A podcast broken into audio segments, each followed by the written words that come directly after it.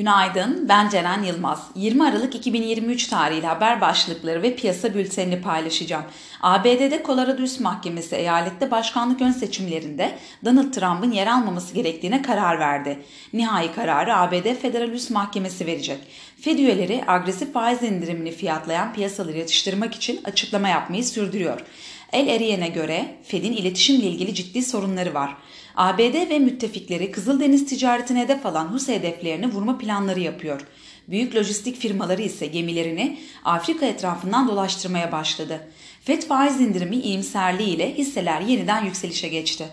Piyasalara genel olarak bakacak olursak pay piyasalarında kredi derecelendirme kuruluşu Moody's'in beklentilerinin aksine Türkiye'nin kredi notunda değişikliğe gitmemesi nedeniyle Borsa İstanbul zayıf seyretmeye devam ediyor.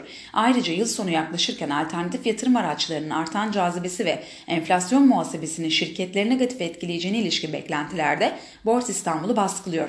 Bununla beraber orta vadede ise CDS'in 300 altına gerilemesi, rasyonel politikaların kararlılıkla uygulanması sonrasında 2024 2024 yılının dengelenme yılı olacağı ve Borsa İstanbul olan ilginin artacağını düşünüyoruz. Bu sabah ABD vadelileri, Alman DAX vadelisi ve Asya endeksleri pozitif seyrine devam ediyor.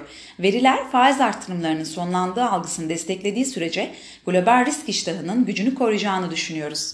Teknik analiz verilerine bakacak olursak gün içinde 7660 ve altına gerileme alım fırsatı, 7790 üzerine tepki yükselişi ise gün içi satış fırsatı olarak takip edilebilir. Viyop tarafında ise gün içi long pozisyonlar için 8385, short pozisyonlar için ise 8545 zarar kes seviyesi olarak izlenebilir.